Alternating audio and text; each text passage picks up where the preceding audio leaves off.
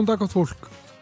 Það er samfélagið sem helsar ykkur miðugudaginn 30. november. Guðmundur Pálsson og Þóruldur Ólastóttir eru umsjónamenn þáttarins í dag.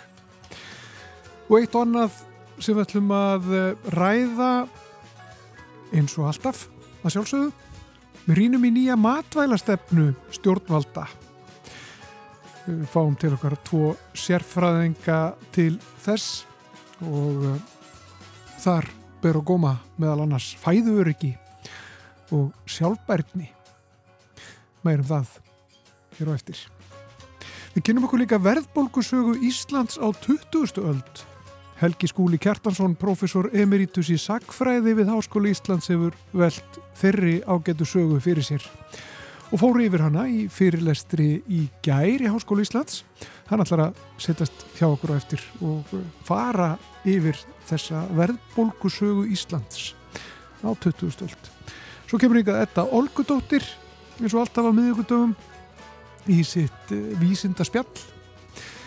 En við ætlum að byrja á matvælastefnu.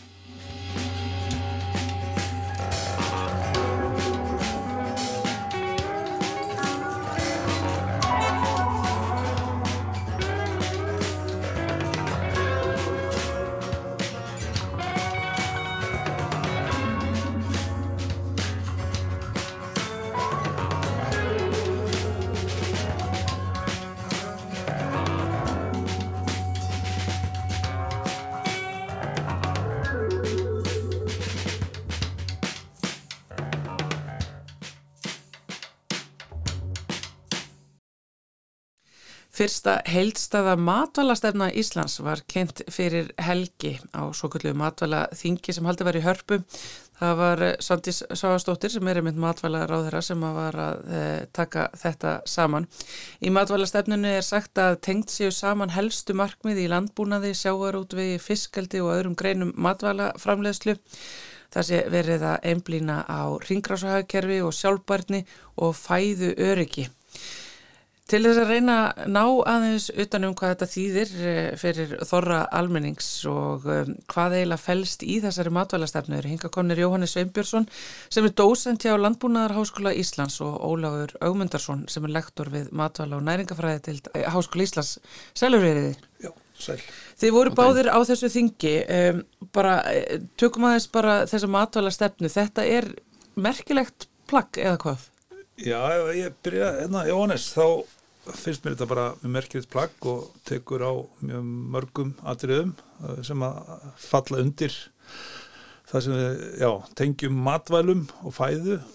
Og þetta er svona á að vera komað í kjölfarið svo önnum meiri stefnumörkun í, í landbúnaði og svo sjáurúti og fiskaldi ef ég skilir þetta rétt. Þannig að, þannig að þetta er ekki eitthvað endalega aðgjör áallun en, en gott yfir litt og það skapast með góð umræð á þinginu um þessi mál? Uh, þetta er yfirgripsmikið og ágætsbyrjun um, eins og kannski kom fram á þinginu það vantar meir upp á útfæslur en, en hérna hvernig eigum að ná þeim hugmyndum sem settar eru fram í, í hérna í þessum draugum um, en já, ég held að, að það, það, það lakir margir til að sjá hvernig útfæslan verður. Mm. uh, og eitt af því sem já vandar er einmitt áhersla eða tenging við næringuna. Vegna þess að það er hún, hún skiptir líka máli í þessu sammyggi þannig að við sem ekki framlega eitthvað sem enginn borðar. Já, þannig að fæðu er ekki þarf að vera ætt og næringaríkt Það er æskilagt, já. En hvað þýðir samt þetta fæðu er ekki fyrir okkur Íslandika?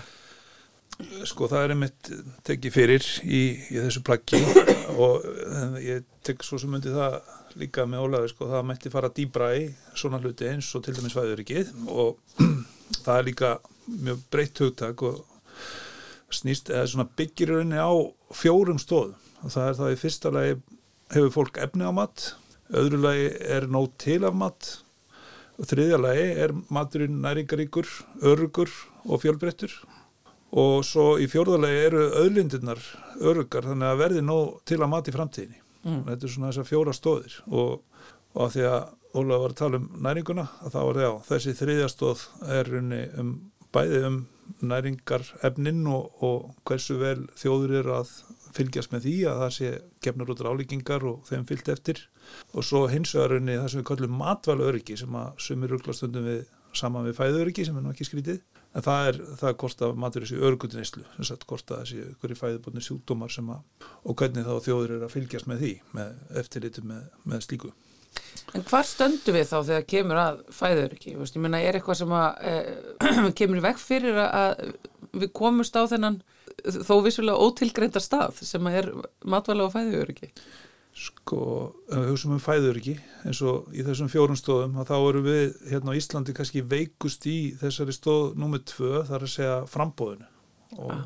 það er að segja auðvitað er það þannig að, við uppfyllum þó það sem við náum ekki að framlega með innflutningi og það er bæði beinnumflutningur á matalum og svo náttúrulega líka á aðfengum til matalaframlislu og netto eru við náttúrulega hérna, útflytjundur á matalum að við, við flytjum út svo mikið fisk að það er mun meira heldur við flytjum inn á maturu en það er þessi fjölbreytni þannig að sagt, ef eitthvað er sem ógnar fæðuriki e, og kannski eitthvað rófa á, á þessum frambóðskæðjum aðfanga og fæðu og þá er veikleikin hjá okkur það hversu fábreyta fæðu við rönni framleiðum. Svona þannig séð. Við framleiðum vissu hérna, allar dýraafurir sem við þurfum getum, getum gert það og við getum framleitt grænmeti svona helstu flokka í tölurum magni en erum þó þó það, hefur það farið minkandi aðeins hvað við erum uppfyllað okkar þörfum en svo getum við svona, það er erfitt fyrir okkur að framlega ávesti og, og kottrakt hún er hérna ekki mikið til manneldis en, en, en, en við höfum mjög möguleika að auka þar. Sko er það þó þannig, Ólafur, bara út frá svona næringarstöðlum að ef við Íslandíka myndum bara geta það sem við búum til, þá myndum við stráfalla úr kolvetnarskorti og skirbjúk? Sko, ég ætti nú kannski að kalla til einhvern hérna kollega minn sem er næringarfræðingur. uh, við getum kannski talað einmitt meir um sjálfbærtina og varðandi fæðikerfun og slíkt. En auðvitað bara eins og Jónas var að, var að segja sko ég minna við eigum að borða ákveð magna græmmeti og ávöxtum og, og hérna kortverum og slíku. Og minna meðan við erum ekki framlega það innanlands uh, og ef aðfangakæður myndur opna í einhverju mæli, já þá myndir það hafa áhrif á næringar ástand Íslendinga. Eh, en á sama tíma þá eru við heldur ekki droslega góð í að eh, hvað sé að ná þeim markmiðum sem meðal annars eru sett fram á Íslandi eða Norðurlandunum þegar kemur að intöku á, á hérna á ákveðnum aðdölum sem gefa okkur til dæmis kott, við erum náttúrulega ég held að með við síðustu hérna landskonnu mataræði sem var byrt eh, fyrir á þessu ári að þar nær engin íslendingu viðmöðum um, um hérna intöku á kottni. Það er með að lúta þessu ketoæði bara já, þú sagðir það.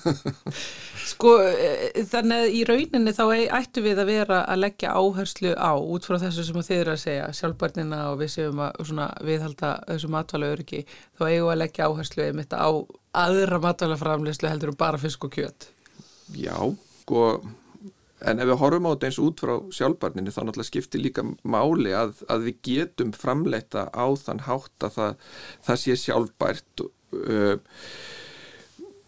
ég ætl ekki að segja sko, jú, við þurfum að auka fjölbreytnina á því sem framleittir hérna innanlands mm. og, og, og stiðja við kannski þann, þar, þar tegundir matvæla framleyslu sem að eigundir að höfka sækja, við þurfum að ebla Já, ég, ef við mætti bæta við hérna sko þá, já, við, við sko ebla það að þessu sem við höfum einhverja raunhafa möguleika á ebla mm. og það er bæði græmitis, rekt og kottrækt. Mm. Að við erum ekki að fara, stafta einhverju appelsínu trí á. Nei, ég hugsa hérna. ekki sko, Nei. en það sko ef maður hugsa um bara næringuna og ef það væri nú allt bara lokað, sem bara vestu mögulega aðstæður að þá, þá getum við alveg fengið sévitamin úr, úr sko græmiti og rótaráastum það er ekki vandamál. En, en hérna það að til dæmis að þetta sko, kortræktin hérna, hún, hún það, það munar mjög litlu að við gætum verið miklu ofar í framleyslunni sagt, bæði til manneldis og dýrafóðus það er, þetta er spurningum sömarheitan þannig að það er alveg bæði með plöntu kimbótum og bættum aðferðum að þá getum við alveg bara farið törlust hratt upp á við þarna en svo þetta er spurningin líka um viðfarið er það er, er að hlína að kólna það er alltaf þessar bara bursi frá lofslagsbreytingum á mannavöldum og þá er líka þessar 30 ára sveiflur sem hafa oft verið í veðri Já. og það er spila með að móta okkur í þessu Þannig að við erum allan í dauða færi hvað kortrækturna varðar. Já, og, og svo náttúrulega ekki síður grænmitið sko, Já. með, með hérna, jarðhittan og, og ramagnið við myndum nú ná að nýta, nýta þetta allt betur. En á hverju enduðu við á þessum stað? Er það bara þegar við fórum að flytja allt inn og erum núna komin á þann, komin á þann stað að við viljum bara fá bláber allt árið og það er alveg saman þetta að þetta séu einhverju nullar með engu bragði sem kom frá Chile. Já, sko talandi um ber, sko, það eru framleitt ber á Íslandi og með góðum árangri. í Já, við erum náttúrulega viljum fá allt bara, Já, veist, í janúar, februar, alveg saman hvað tími ásins er. Já, ég menna það er, sko, ef þú færi 200 ár tilbaka, þá voru við að framlega nánast bara dýraðurir, sko 90% af fæðunni hjá okkur voru dýraðurir og svo var eitthvað flutt inn af kottni og svo að fara að rækta hérna kartumlur og róur og kál og fleira, smá saman, af því að við vorum í vandamálum með skilbjú og fleira og hérna, en e, þetta er auðvitað bara, við getum ekkit hort fram hjá því sem sagt, hvar við erum á nettinum þannig að við eigum auðvitað að reyna að hlúa að líka fiskinum og kjötinu og mjölkinni sko. við hefum bara að bæta okkur í hinn við höfum, við höfum ekki að draga úr framlöslu á dýraverum myndi ég að telja það það væri út frá fæður ekki mjög heimskulegt en, en það sem við þurftum að gera er að hlúa að hinnu sem við höfum ekki að framleiða En höfum við samt einhvern veginn orðið værukær? Hvað varðar bara matvæla öryggi og, og fæðu öryggi? væri kærið ekki, ég held ég náttúrulega við höfum bara aðlaga okkur að þú veist nýjum raunveruleika, ég meina fólk býr í auknum mæli er- erlendis þar sem kannski þangað til fyrir ekkert svo mörgum ára síðan þá hafði fólk meira úrval og svo flyttur fólk heim og, og við höfum hérna, já, ynga flyttur líka fólk af, af erlendum uppruna sem er líka vant að hafa aðgengi af öðrum mat og, og, og svona kannski við erum góðu vön í dag og, og- en þetta er náttúrulega þróun sem hefur bara verið allstæðar í heiminum, ég meina þetta er globalisering í, í, í matvæla keðjum og, og, og hérna aðfangakeðjum sem hefur gert að verkum að við erum orðin rosalega góðu vön en, en hvort það er eðlilegt að við getum fengið að haft aðgang á öllu mat allan ásins ring um, það er svo önnur spurningu, ég meina þá ertu komið með hegðu neytenda inn í þetta líka sem að skiptir náttúrulega gífulega miklu máli vegna þess að ef það er eftirspurð þá, þá er frambóð eða, eða öfugt. Það fyrir eftir hvaða kraftar er í gangi. Þannig að þetta skiptir náttúrulega sko, þetta samspil alveg gífulega miklu máli. Um, svo líka náttúrulega ef við horfum út, út frá sjálfbarni þá náttúrulega sko setur það kannski líka stórt spurningamerki við vegna þess að þú veist aðgangur að öllum þessum vörum, allan ásins syng hva, hva, hvers krefst það í heiminum sko, Já, já. það er innflutningur á til dæmis ávöxtum með flugi bara er það sjálfbært? Þetta er ekki einfalt en, en þess vegna er svolítið skemmtilegt Spennandi. en það sem að trublar samt svo mikið er mögulega hvort að við séum orðin það hérna, góðu vön að það er bara orðið þjóðarörgismál. Já, já, það er, fæðuöryggi er náttúrulega þjóðaröryggismál. Það er undir, undir hérna, stefnu, þjóðaröryggisstefnun er, er fæðuöryggi og það er svona verið að skrifa það betur þar inn og eins og með þessar neyðabyrðir og allt það. En já, sko, ef við horfum bara tilbaka, þá, þá bara á síðustu öld þá var, hérna, svona fyrirlutaðinar, þá var auðvitað þegar fólk var að flytja til köfstæðana, þá var þetta bara tölvöld vandamál að skaffa fólki mat. Og þess vegna voru já, auðvitað vaksandi innflutningur en líka stuðningur við íslenskan landbúnað og, og líka sjáurúturinn hann var líka hérna, svona aðeins ríkistengdur á þeim tíma. Og þannig að það var auðvitað bara svona öryggismál. Og, og svo breytist þetta smá saman og það er farið að framlega nóg og, og meira en við þurfum af þeir sem við getum framleitt. Og það er farið að flytja inn og sem er bara auðvitað það besta mál að geta haft hérna alþjóðlega viðskipti hvort sem það er til útflutnings eða innflutnings. Og það er ekkit slæmt við það í sjálfu sér en, en, en það þarf auðvitað að gæta að, að sjálfbarni þarna eins og Ólafur var að tala um að það er allt í lega að setja spurningamerki við það að þú veist að flytja eitthvað yfir, yfir allan hnöttin bara því að þeir langar í akkurat þetta núna Já, já. en, en Það er degrið. það er degri en, en þá kannski kæmi á móti þetta er hluta menningunni sem að og þá væri mjög jákvæð menning eða sko jákvæð menningarlegi ströymar væru það að við gætum hugsað meira svona árstíðabundið Já, sem sagt við getum virkilega fagna því þegar það er sko eins og ég fer ofta að kaupi hérna hrogn og lifur sko í fiskbúðinni þegar það er í bóði já, já. en það er kannski bara einu sinna ári eða tvisar sem ég gerir það.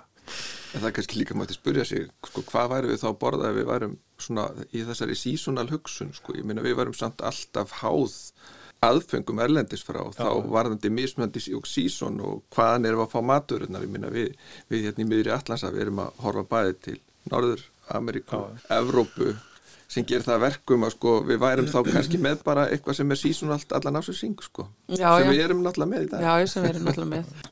Bara, mér langar aðeins að, hérna, þú veist, að þú myndist á þarna neyður og öryggisbyrðirnar sem að er eitthvað sem að önnur lönd hafa komið sér upp, uh, sem að er einhvern veginn eins og ég sé fyrir mér bara reysastór matarkista, bara búr eins og er hjá svona ömmum og öfum heima hjá þeim. Hvað á að vera í neyður og öryggisbyrðum Íslands og er eitthvað í þeim nú þegar? Eh, það er frekar lítið í, í þeim nú þegar. Sko það hefur ekki verið stórt vandamál það er alltaf verið að flytja en, en þetta er hérna, eins og þú segir eh, margar þjóður hafa komið sér upp svona byrðum.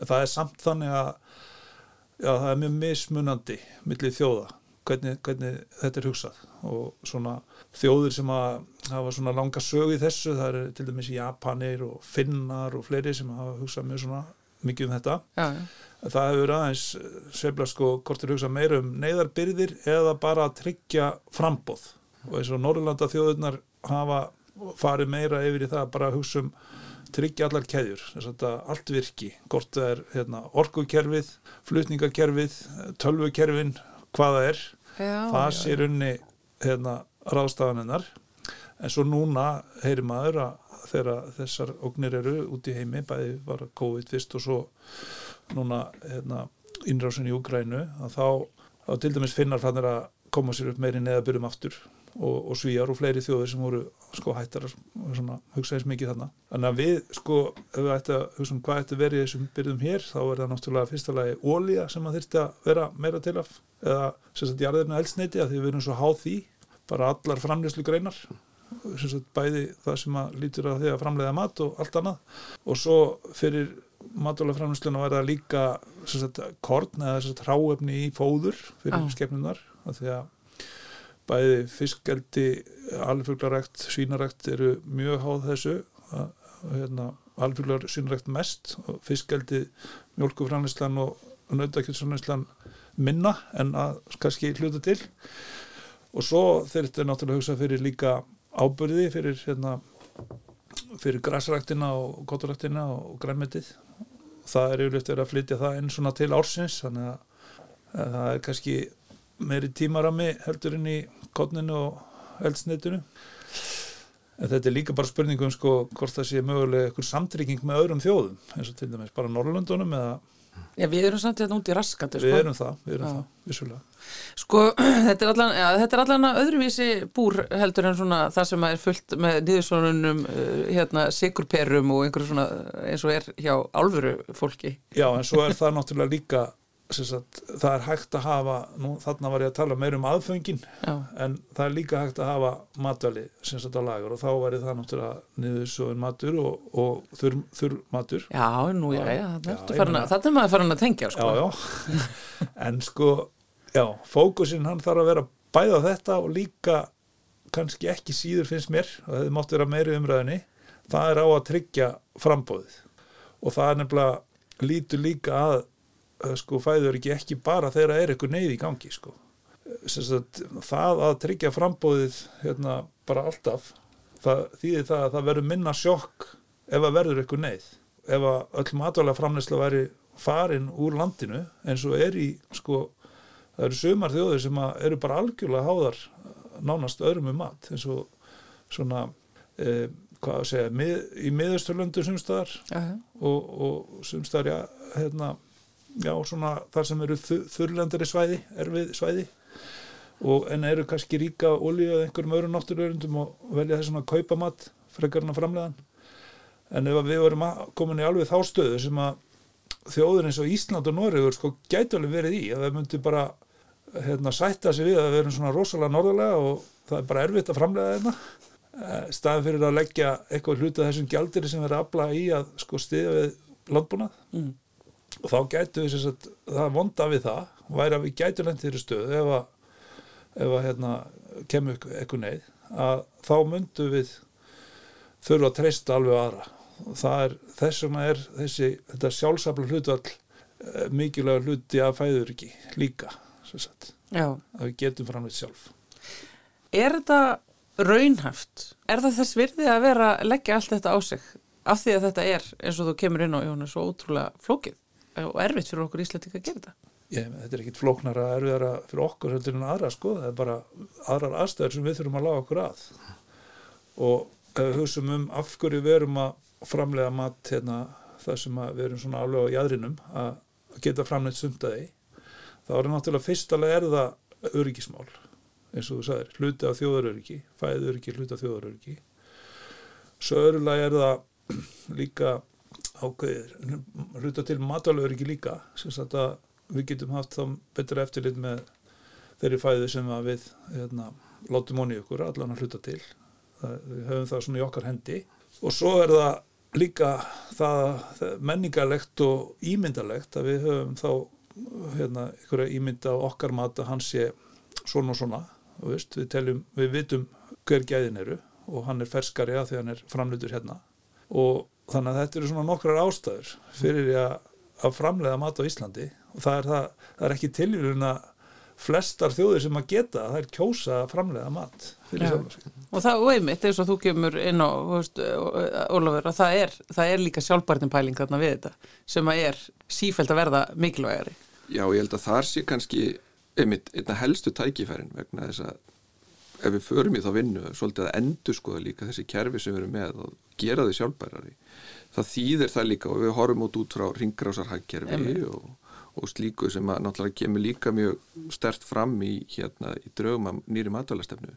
Ef við endur hugsa um kerfið nú eru vinna í gangi varðandi aukna framleiðslu og nýtingu lífrætna hliðaströmi eins og heitir ekki, þetta heitir ekki lengur úrgangur einmitt í, í hérna áburðaframleiðslu. Þú veist það er alls konar endurhugsanir veist, sem við þurfum að fara í en þá þurfum við náttúrulega líka að tryggja að kerfin séu sjálfbær um, sem þýðir þá í rauninni í samanburð við sambærilega efni eða vörur að, að við séum að framleiða þær þá með minni umhverfisáhrifum. Þannig að ég held að tækifærið og, og einmitt draugin svona gefa efni til bjart síni um að við séum að fara að hugsa kerfin upp á nýtt. Höldum áfram náttúrulega framlega það sem við erum að gera en, en, en eflum það sem að hefur kannski átt að brattan að sækja og, og við reyðum okkur og kannski full mikið á innflutning. Já Já, ég get allavega sagt að þessi matvælastefna Íslands sem var uh, kynnt hér fyrir helgi uh, hefur ítt við mér eftir að hafa lesið hana, bara svona uh, taka yfir matvælastefna heimilisins til þess að byrja með og svo er þetta náttúrulega miklu störra og um að gera að fara að koma þessu á. Takk hefðið fyrir að renna yfir þetta hérna með okkur hlustendum, Jóhannes Sömbjörnsson, dósent hjá Landbúrnarháskóla Íslands og Ólafur Augmundarsson, lektor við matvæl og næringafræði telt HÍ.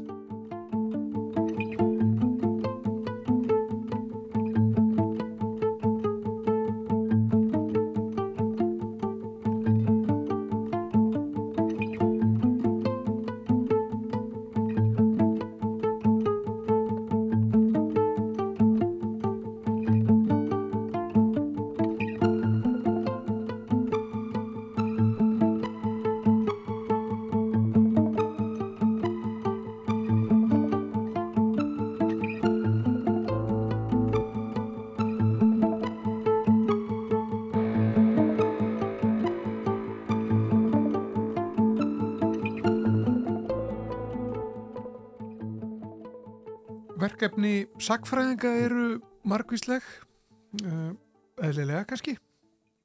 Sagan er, er uh, við þeim og margt sem að rúmast uh, í þeirri fræðigrein sem er sakfræði hann er sestur hérna hjá okkur Helgi Skúli Kjartansson, hann er profesor emeritus í sakfræði við Háskóla Íslands og flutti í gær fyrirlestur um verðbólku sögu Íslands á 20. stöld um, til leiti við að fanga í, í sakfræðinni greina.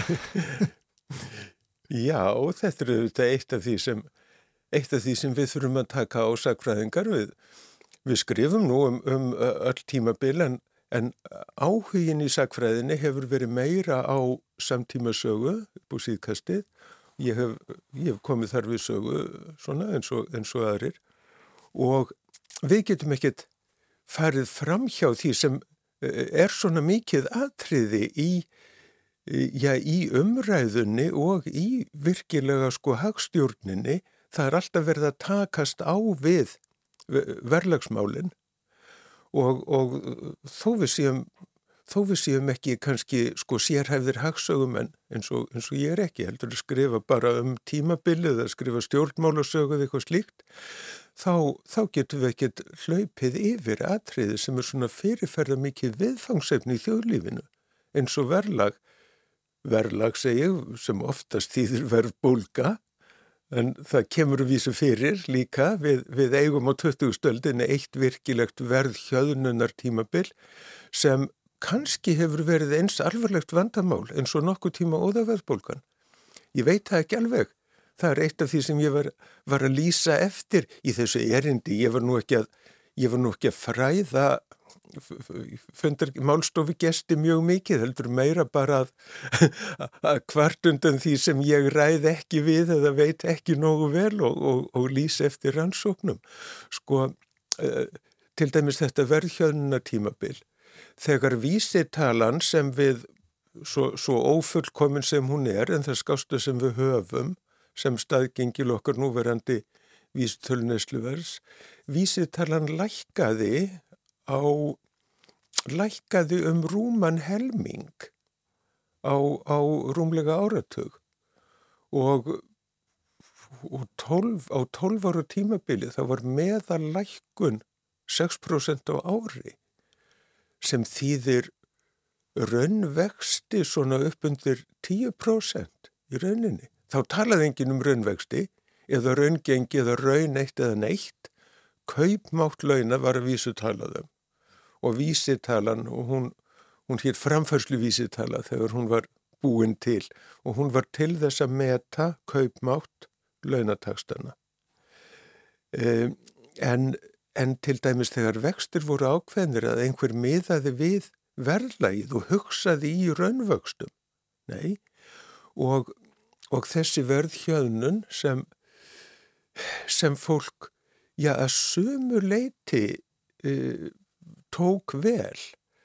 Sko verðlag hafði hækkað í fyrra stríðinu og mér er að segja helt áfram að hækka eftir stríð sem kom mjög óvart þetta þóttu við þetta óeðlilegt og að það lækkaði aftur, já, var þetta ekki bara eðlilegt, vorum við þó ekki að nálgast eðlilegt ástand aftur og, og, og það var í landunum í kringum okkur, þá var hugsað svona að, að það þyrti að ná verðlæginu aftur niður í eitthvað eðlilegt. Oh. Helst þannig að það veri ekkert að taka upp aftur gull innlaust peningana á gamla genginu í Danmörku fengum við okkar hugmyndir mest frá, frá móðurlandinu, frá Danmörku. Og í Danmörku þá var talað um den erlíu krónu heiðarlegu króna. Og það var döns króna á gamla gullgenginu, helst gull innleysanleg oh. þannig að verðhjöðnun þótti að vissuleiti uh, æskileg. Og eins, einhvers konar leiðrætting bara. Já, leiðrætting oh. sem hefur verið öruglega skadleg en hvað rosalega skadleg samanbúr við til dæmi skaðsimi óðaverbolg og sem um setjum tímabilum það, það er rannsóknir efni sem ég ræð ekki við sjálfur en við þetta er óskaplega spennandi. Samanbúri við það til dæmis að núna er, jújú, jú, mikil og ófyrirsjáanleg verbolga er talin skadleg en þó að það heiti svo að eh, verlagsmarkmið Sælabankans held að stöðugu verlagi þá þýðir stöðugt verlag ekki óbreytt heldur jamt og fyrirsjáanlega og hóflega hækkandi. Verbulgu markmiður 2,5%. Það er best að verlag hækki um 2,5% á ári eða að Sælabankin ómustu hvort er einn að halda því milli 1 og 4% árlega hækkun, það er best. 0% virkilegt stöðugt verlag er vond ef, ef verðlagi fer niður í það að haldast raunverulega stöðugt þá ber Sælabankanum að gera ríkistjórnini grein fyrir hvað þessi hægt að gera í málinu af því að það er skadlegt. Og, og hérna, og hvað skadleg hefur þá verið þessi verð hjöðnum þannig í, í gamla daga?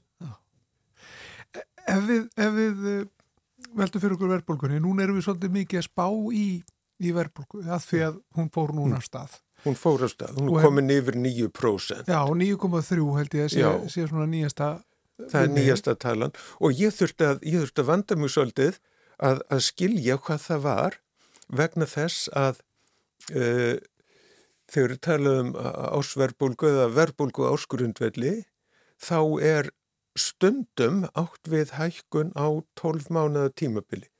Verð vísitala núna og það er alltaf vísitala neysluverðs. Við höfum engan einn mælikvarða á verðgildi krónunar. Við þurfum að hugsa um launavísutölu, það eru reyni verðgildi krónunar ef við notum hann til að kaupa vinnuafl. Byggingarvísutölu, verðgildi krónunar ef við notum hann til að fjárfesti í, í uh, mannverki. Og svo vísitala neysluverð sem er aðalmæli hverðin. Við höfum engan einn, og gengisvísitalan er svo einn, það er sem sagt verðgildi krónunar ef við notum hann til að kaupa erlendan gjaldmiðl. En, en þessi aðalmæli hverði og Sæðlabankin, hann, ég fann hérna tilvittin í nýjustu peningumál þar sem sagt bara verðbólgan, það er að segja 12 mánuð, hækkun og síðust 12 mánuðum. Þetta er, er aðalmæli hverðin. En stundum er, stundum erum við með verðhækkun og stýttra tímabili sem er umreiknuð á áskrundvöld. Og, og ég var líka með tilvitnun í, í, í soldið eldri, eldri rið frá, frá Sælabankanum þar sem eru er sett upp tabla um verðbólgu og tveir dálkar og yfirskriftinu öðrum er verðbólga, það er að segja 12 mánuða hækkun og yfir hinnum verðbólga, það er að segja 30 mánuða hækkun reiknum áskrundvöld. Og ef við erum að reyna að fylgjast með nákvæmlega ástandinu og, og finna svona orsakir og afleiðingar, þá viljum við kannski hugsa um stýttri tímabil og þá getur verið gaglegt að að horfa á sem sagt uh, og, og ég held kannski að þessi 9,3% hefðu verið hækkunin frá síðasta mán, frá næstsíðasta mánuði reiknuði frá áskurundvöld en það var ekki. Stundum er sánmæli hverði notaður og, og, og það var það var nú einlega það í, í fyrsta sinn sem ég áttaði mig á því að að það þurfti að velja mælikvarða. Það var þegar ég voru búin að skrifa eitthvað, það var bara stjórnmála saga, sko. Ég var að lýsa stjórnmála ástandinu um það byrj sem ríkistjórn Gunnars Tóruðsson sprakk. Og þá e, e, sagði ég meðlans að verðbólgan hafi verið komin yfir 100%.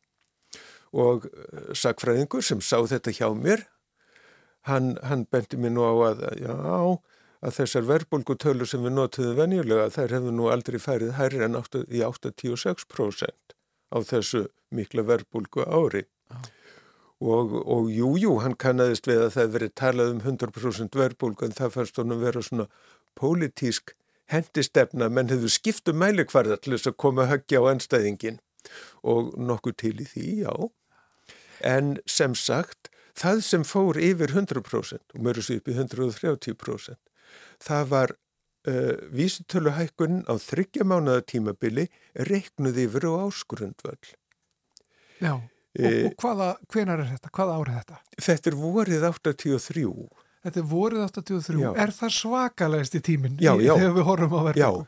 það er langkæsta sko uh, þessi venjulega, þe- þessi 86% sem félagi minn benda á, það er úr þeirri talnaröð sem sakfræðingar hafa oftast notað og, og, og Hagstofan gerði lengi mest úr og það er sem sagt uh, hækkun vísutölunar frá einu ári til annars og þá eru það ársmeðaltölin. Hagstofan var þetta var nú mjög óreglulegt lengi vel og eitt af því sem náttúrulega eh, sem ég þyrti að skilja miklu betur en ég skil, það eru, það er sko mælingar vandamálin, hvað vísitalan var ófullkomin lengi vel og, og skekkjur sem leiða af því. En sem sagt, uh, þegar ég fór eitthvað að fylgjast með, þá mældi Hagstofan framfærslu vístöluna sem þá hétt fjórum sinnum á ári og, uh, og oftast nær var miðað við sem sagt að verðbólgan það veri breyting milli ársmeðaltala sem er þá sko þá koma inn þarna breytingar sem dreifast eiginlega á heil tvö ár þannig að þetta er mjög slæmur mælikvarði til að, að, að svona finna rín í smáatriðin orsakir og afleiðingar uh, einhver viðskiptakjara áföll eða launahækkanir eða svona hvernig, hvernig hef, áhrif hefur það þá er þetta, er þetta döfur, döfur mælikvarði en en þetta er eh, talnaröð sem þau hefur langt eftir í tíman og á þennan mælikvarða fór, vísit, fór verðbólgan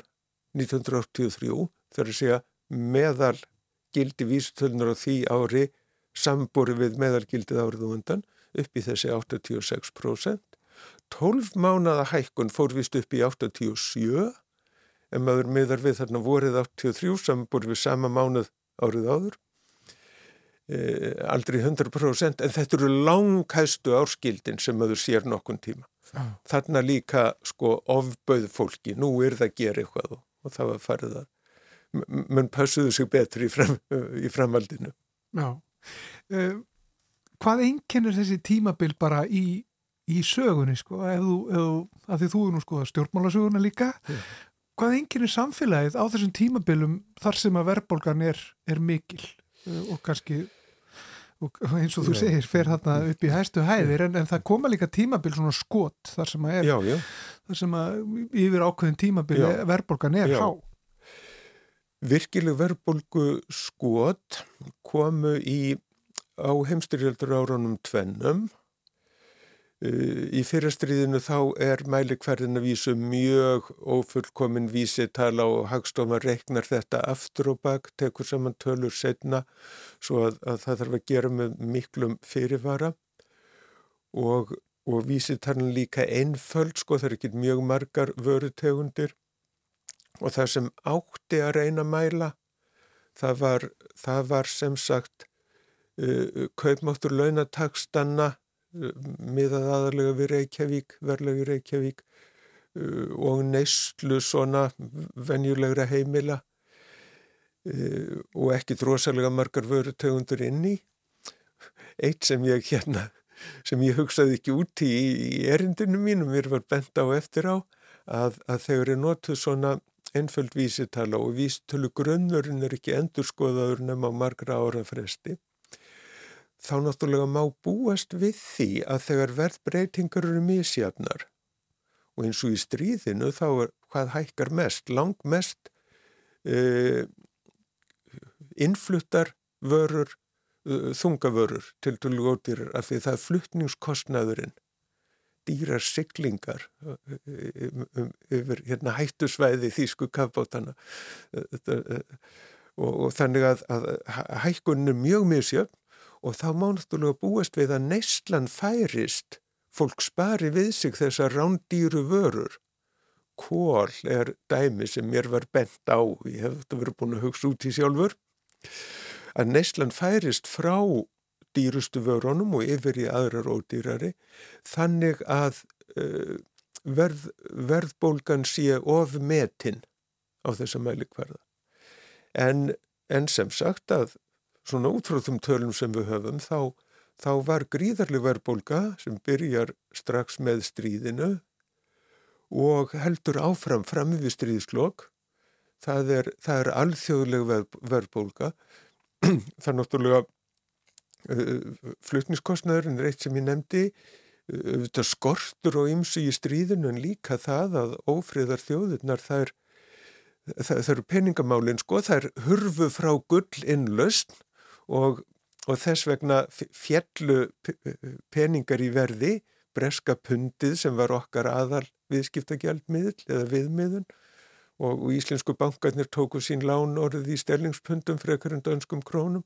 Uh, sterlingspundi það, það fellur í gildi, það er hægt að gullin leysa það og, og, og, og hérna og það þarf að leggja í stríðskostnað hvort sem ríkið áfyrir því eða ekki og þetta er hluti, þetta er innflutt verðbólgar hluta til.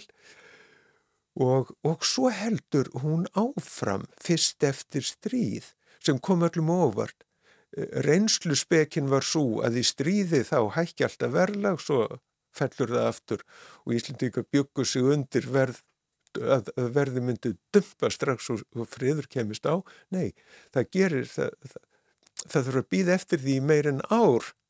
Áfram þá, þá er sem sagt að uh, uh, gjaldmið, viðskipta gjaldmiðlunum er ekki komið á gullfót strax, það tekur töluverðan tíma, það er áfram þensla því það þarf bara svo mikla uppbyggingu eftir eðileggingu stríðsins.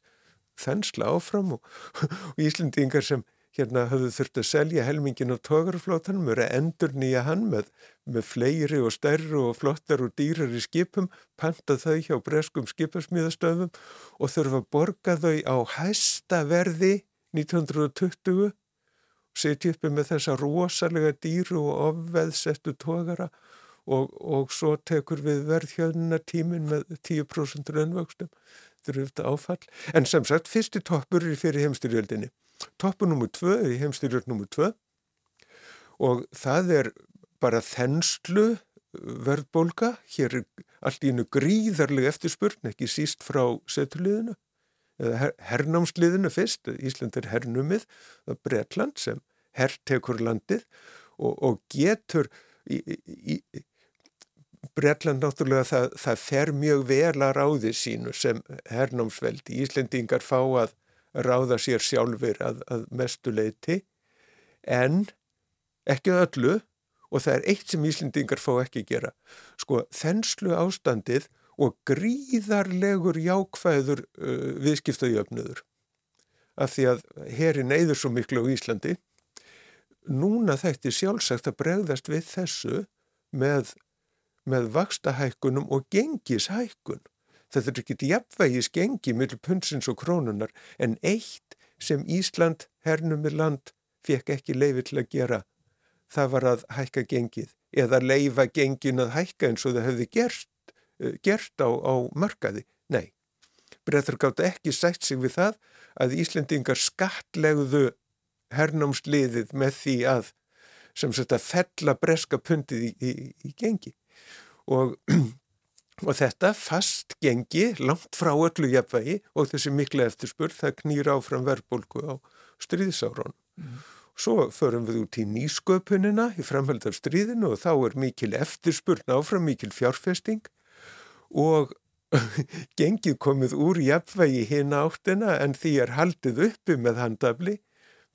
Markaðsgengi hefði, á markaði hefði krónan strax farið að síga eftir stríð verlaði var orðið það hátt innlenda verlaði, það fekk hún ekki gera en haldiðu en uh, þannig að, að hérna, það hægir á verbulgunni en fyrst og fremst af því að gengin er haldið uppi með handafli og þegar það uh, verður ekki lengur því uh, verður ekki lengur skort þegar frestu horfast í augu veruleikan og fara að skrá gengi af einhverju vitið, svona kringum 1950 og þá kostar það nýjan verbulgu topp. Já. Svo að þessir svona grófu toppar eru eh, stríðsárin, stríðsárin, eh, gengisleiritingin kringum 1950 og svo eru lægri toppar við aðrar gengisfellingar. Já, og svo fyrir allt úr böndunum hann að Já, svo nefnilega byrjar, já, tímabil óðaverbulgunar, við getum heiklust talað um óðaverbulgu sem tímabil sem hefst svona upp úr 1970 uh, út frá stjórnmálusögun er eðlilegast að tengja það bara við uh, stjórnarskiptin 71 lok viðresna tímans mm -hmm. viðresna tímin þá er þá er Ísland sko verbulgu þjóðfélag engum þetta í hug að hér náist verbulga niður í eitthvað samberlegt stig og í viðskiptalöndunum en, en það, er, það þykir vond að missa hana mikið upp fyrir 10% uh, Þa, það er svona það, það sem ég kalla kannski klassíska verbulgu þjóðfélagið svo tekur óðaverbulgan við uh, svona upp úr 1970 og stendur fram yfir, já nær hámarki þarna 83 og eftir það þá fer hún nú lækandi aftur og, og þetta tímabil óðaverbulgunar á maður að, já ef maður tekur það svona, reynir að hafa þetta aldrei langt, þá byrja maður á stjórnarskiptunum 71 og endar á þjóðarsáttinni 1990 en reyndar þá var verðbólgan farin að nást töluvert niður þarna uh, svona frá 80, 84, 5, 6 svona.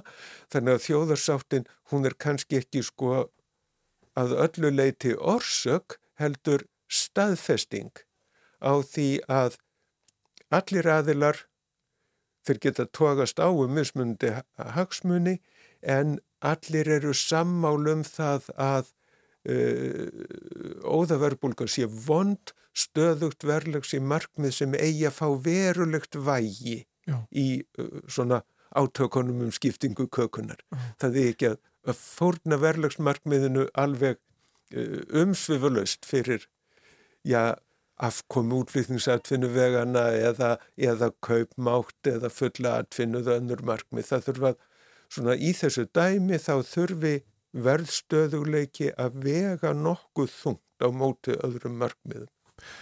Helgi, þú verður að skrifa bók bara um það komst ekki leikra núna búin að fara hér á hundavaði yfir verbulgusögu 20. aldarinnar um, Er þetta að skrifa bók? Nei, nei, nei, nei, nei. nei, nei. Kann, ég, Kannski ég, verður bara lengra eirandi síður Ég, ég mig langar að skrifa grein Já. um verðbólgu sögu setni stríðsárana en ég finn mig vannmáttugan til þess, bæði þá er ég ekki nógu örugur í þessum fræðum og svo vantar bara grundvallar ansóknir á verðlags og peningasögu Já. 20. aldar og það var nú þess vegna sem ég var að tala þessari málstofi gær, bara reyka áróður fyrir því hvað þetta sé merkilegt rannsóknarefni. Þú kallar eftir frekar rannsóknum. Já. En gaman að fá því heimsókn, Helgi Skúli Kjartason, uh, professor emeritus í Sackfræði við Háskóla Íslands, fluttir erindi í gær uh, í málstofu í félags- og hagsugu verðbólgusaga Íslands á 20. stöldinni. Takk hjá það fyrir kominu.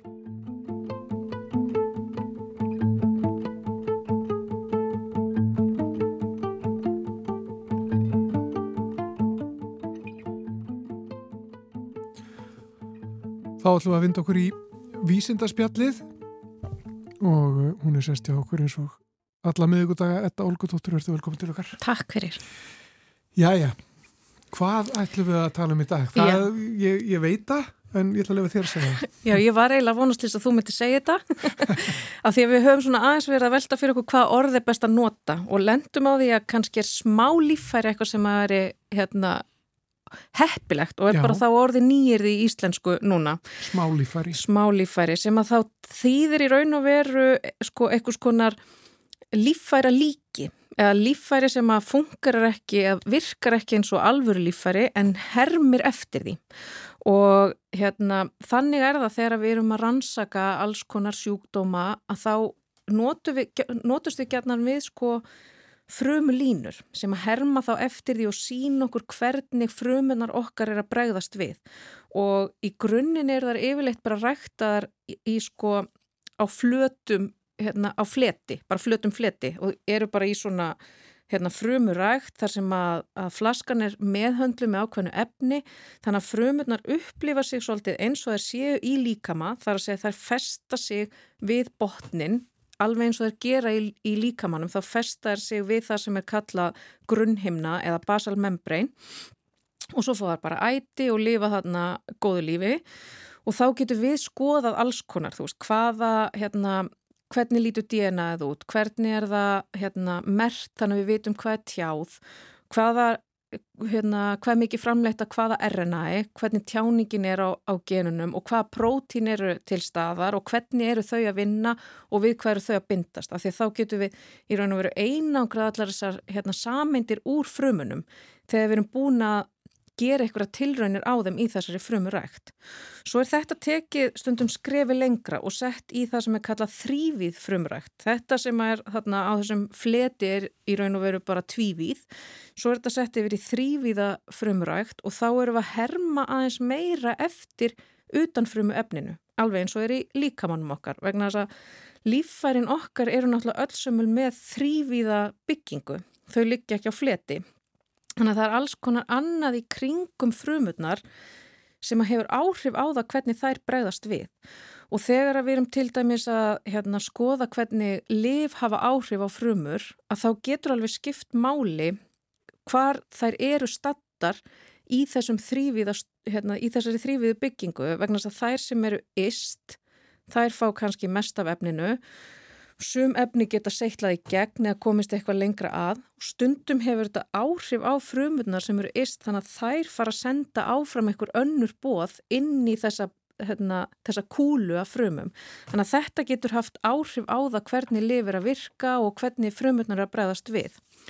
Og svo ef við tökum þetta bara lengra að þá getur við verið að bú okkur til lítið lífæri sem að herma eftir því hvernig okkar líffæri virka og þetta, þá náttúrulega er ekki lengur hægt að vera með vefja sérhæfðar frumu línur. Það er ekki hægt að, hérna, búa til til dæmis lifur úr hérna, brjóstafrumu.